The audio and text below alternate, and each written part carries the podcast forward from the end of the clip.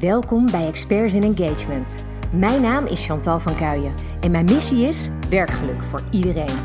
In deze podcast neem ik je mee in onze opdrachten in employer branding en employee engagement. Ik deel onze casussen, ervaringen, uitdagingen en ik hoop dat je daar je voordeel mee doet en dat jij jouw organisatie transformeert in een sterk werkgeversmerk.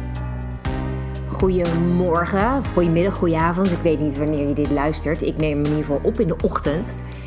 En ik wil je vandaag meenemen naar iets wat denk ik heel erg veel mensen bezighoudt op dit moment. Wat zijn dit rare tijden? Ik verbaas me elke dag over vooral veel social media posts die ik, die ik lees.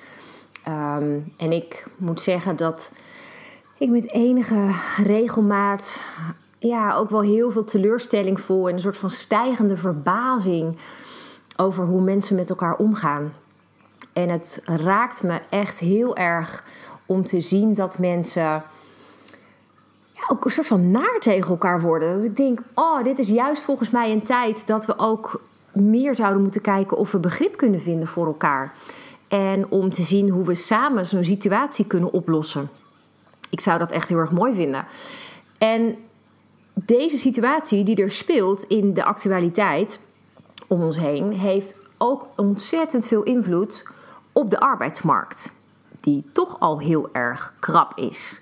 He, zoals ik vorige week in de podcast al liet weten, is die uh, arbeidsmarkt op zijn zachtst gezegd nogal overspannen. Um, en de vooruitzichten zijn al niet veel beter. Ik bedoel, we, we zagen dus al uh, dat die groepen ICT en techniek, onderwijs en zorg en welzijn eigenlijk heel erg slecht aan toe zijn met de laagste toestroom van nieuw talent. In tijden dat dus de boel al krap is.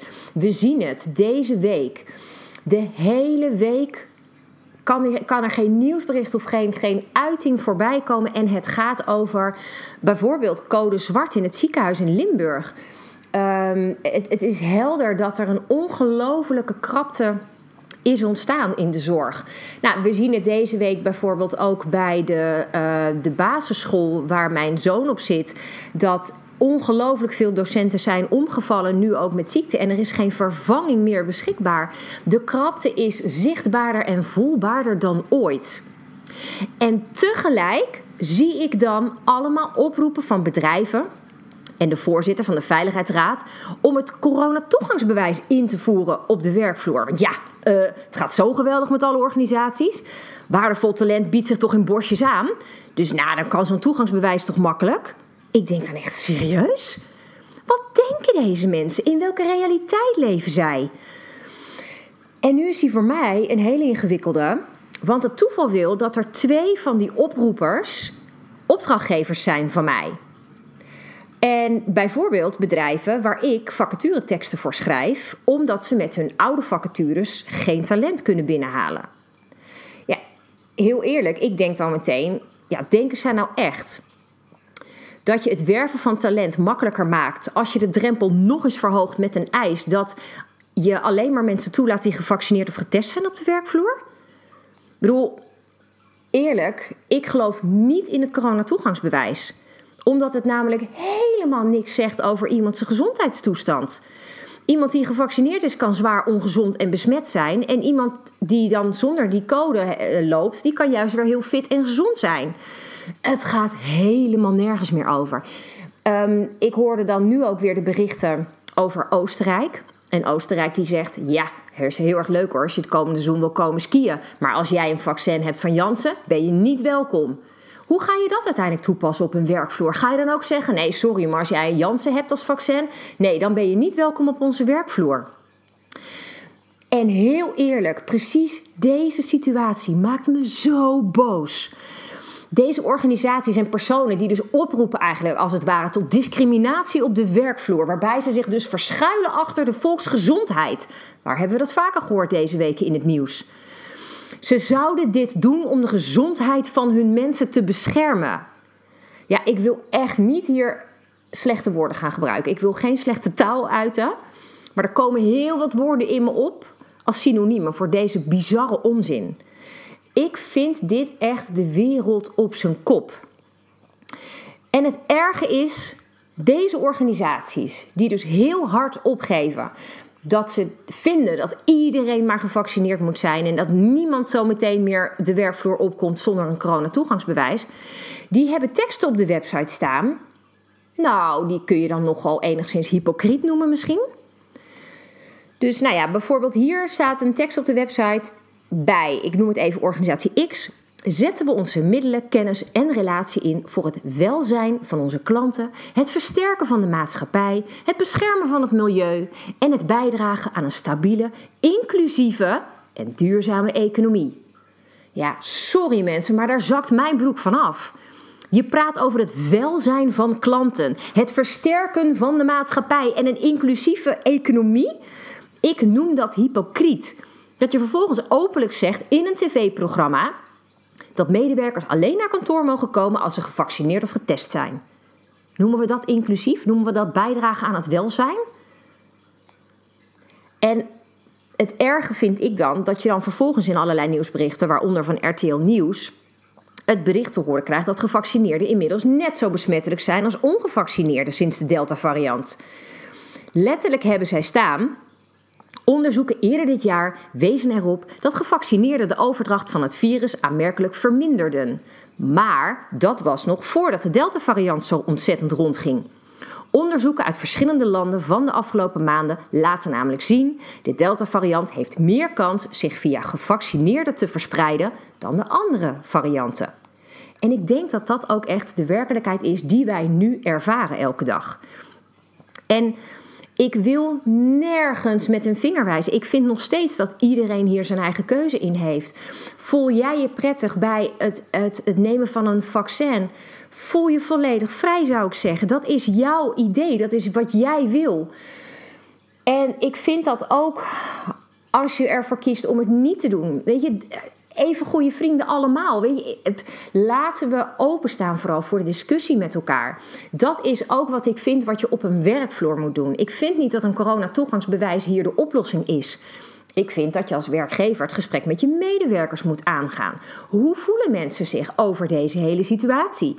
Hebben de mensen er überhaupt behoefte aan dat anderen geweerd worden van de werkvloer omdat ze zogenaamd onveilig zouden zijn voor hun gezondheid? Weet je, ik vind oprecht, ga de dialoog aan. En ga niet met een enorm discriminerend middel als een coronatoegangsbewijs werken. Ook al mag het straks wettelijk, ik heb het in social media ook al gedeeld, dat wil nog niet zeggen dat je iets goeds aan het doen bent. En ik hoop zo ongelooflijk dat er bedrijven zijn die toch eens eventjes achter hun oren krabben en denken: ja, inderdaad, het mag misschien straks, het is misschien zometeen wettelijk toegestaan, maar wat maakt mij dit als bedrijf? Wat voor werkgever ben ik nu dan? Alsjeblieft, denk daar even over na. En we moeten met z'n allen deze situatie door. En begrijp me niet verkeerd, ik vind het verschrikkelijk schrijnend om te zien wat er in de zorg gebeurt. Maar tegelijk maakt me dat juist zo boos, omdat die ontzettend hardwerkende mensen in de zorg al jarenlang worden uitgekleed. Overal wordt op bezuinigd. Er kan geen centje bij het salaris. Nee, een applausje kunnen ze krijgen. Jongens, dit kan toch gewoon niet de waarheid zijn. En ja, dit is misschien een van mijn meest heftige podcastafleveringen, omdat ik echt best wel boos ben over de hele situatie die geldt. Maar dan denk ik, laten we nou even kijken naar de realiteit.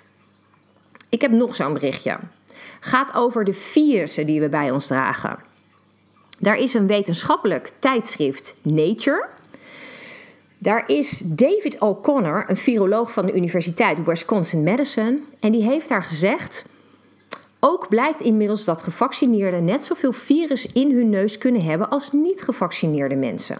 Mensen met het Delta-virus kunnen zeer hoge virusniveaus bij zich dragen en kunnen het virus ongewild naar anderen verspreiden. Hij kwam tot die conclusie na onderzoek in de staat Wisconsin, waarbij dus via PCR-test de concentratie van het virus in de neus werd gemeten. Nou, deze bevindingen zeggen eigenlijk dat die beschermende maatregelen nog steeds wel belangrijk zijn, of je nou gevaccineerd of ongevaccineerd bent. Dus iedereen zou er rekening mee moeten houden dat je jezelf ja, uh, op afstand houdt, bijvoorbeeld. dat we met z'n allen gewoon de maatregelen in, in stand houden om te zorgen dat we elkaar niet om laten vallen. Dus in dat opzicht vind ik wel, zijn we in die zin wel voor elkaar verantwoordelijk, ongeacht welke keuze je daar verder ook in gemaakt hebt.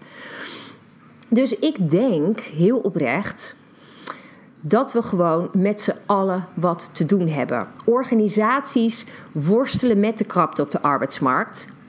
Maar stellen dan dus tegelijk regels in waarmee ze ook aanzienlijke groepen buitensluiten. Wat gebeurt er nou hè, als straks de ongevaccineerden niet meer mogen werken? je hebt natuurlijk de organisaties waar mensen gewoon thuis kunnen werken.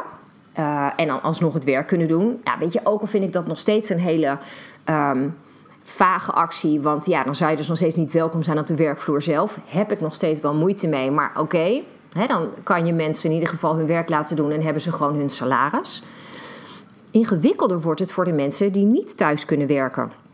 Dat zie je bijvoorbeeld nu in de Verenigde Staten en in Italië. Daar gaan mensen ook in staking en maken ze bezwaar tegen die vaccinatieverplichting. Als je bijvoorbeeld leerkracht bent, bijvoorbeeld, of je bent uh, verpleegkundige, dan heb je geen keuze. Dan moet je voor de klas staan of aan een bed. En eerlijk, dan klinkt het toch niet meer over dat we geen vaccinatiedwang hebben. Dat baart mij zorgen. Waar gaan we heen als maatschappij? We gaan mensen buitensluiten. Eerst sloten we alleen de mensen buiten die er niet gevaccineerd waren. Nu gaan we richting de mensen die dan een verkeerd vaccin hebben die we buitensluiten. Vanuit de kracht op de arbeidsmarkt zou ik denken dat dit echt een mega ongewenste situatie is. aan de ene kant zie ik recruiters en HR-adviseurs die er keihard aan trekken om talent te werven. En aan de andere kant zie ik organisaties die dus een drempel opwerpen. En het enige wat ik hoop is dat mensen weer een beetje normaal gaan nadenken. Dat we allemaal gelijk zijn, gevaccineerd of ongevaccineerd.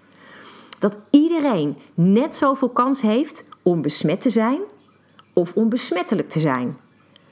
Dat we voor elkaar moeten zorgen, dat we respect mogen hebben voor elkaars mening of afweging. Dat iedereen op zijn eigen manier het immuunsysteem versterkt. Zodat je straks dus beter bestand bent tegen welk virus of welke variant ook. Ik hoop dat de angst uit die samenleving wegtrekt. Want, oh, wat vind ik het onwijs moeilijk om zoveel mensen angstig te zien. En om zoveel mensen down en depressief te zien. Allemaal vanuit hun eigen achtergrond en vanuit hun eigen perspectief. De maatschappij wordt zo op dit, zoals het nu is alleen maar zieker. En dan wordt het voor werkgevers alleen nog maar veel moeilijker. Mijn hoop met deze aflevering is dat ik mensen aan het denken zet. Ga vooral zoeken naar respectvolle oplossingen voor iedereen, zonder mensen uit te sluiten. Maak de wereld vooral een beetje vriendelijker. Laten we elkaar geen schapen of wappies noemen, maar luister. Luister eens naar wat die ander te zeggen heeft. En respecteer dat iemand misschien een mening heeft die niet de jouwe is. Weet je, dat ging tot nu toe toch altijd goed? Waarom is dat nu ineens zo'n ding? Oké, dat is eruit. En ik besef heel goed dat niet iedereen het fijn vindt wat ik hier net gezegd heb. Maar besef ook dat als je dit dus niet fijn vond, waar jij dan dus staat in deze hele situatie. Kies jij voor eenheid of kies je voor verdeeldheid? En waarom eigenlijk? Ik hoop dat puur door mijn uh, tirade, dat je misschien toch eens heel even denkt van ja, waar sta ik eigenlijk? Wat vind ik nou belangrijk? Hoe wil ik binnen onze organisatie omgaan met de mensen op de werkvloer? Hoe wil ik dat mensen met elkaar omgaan? Hoe zorgen we dat er een veiligheid bestaat? En dan heb ik het niet alleen over de volksgezondheid, dan heb ik het ook over de psychologische veiligheid. Hoe zorgen we dat we met z'n allen naar een maatschappij gaan die weer vriendelijk is en die weer open staat voor allerlei meningen en allerlei ideeën? En dat we niet elkaar voor schelden op social media, maar dat we echt even aandacht hebben voor elkaar, dat we de verbinding aangaan. Laat dit alsjeblieft oproepen dat je nieuwe inzichten krijgt. Bedenk even voor jezelf wat dit voor jou betekent. En dan hoop ik, al is er maar één iemand die hierdoor anders denkt dan dat hij daarvoor deed in positieve zin, dan zou ik echt zo onwijs blij zijn. Dus dank je wel dat je dit moment wilde aangaan en dat je dit wilde luisteren. Kan ik alleen maar onwijs waarderen. En ehm, laten we hopen dat bij de volgende aflevering over een week, dat we er misschien alweer anders voor staan. Ik wens je een hele mooie dag, een mooie avond, een goede nacht. En tot snel weer. Ik hoop dat deze aflevering je inspiratie oplevert. Misschien is dit wel jouw nieuwe begin. De start van een sterk employer brand.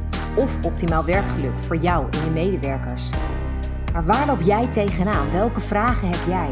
Stel ze vooral via onze website employerbrander.nl slash podcast. Dan kom ik er graag op terug in een volgende aflevering. Tot snel!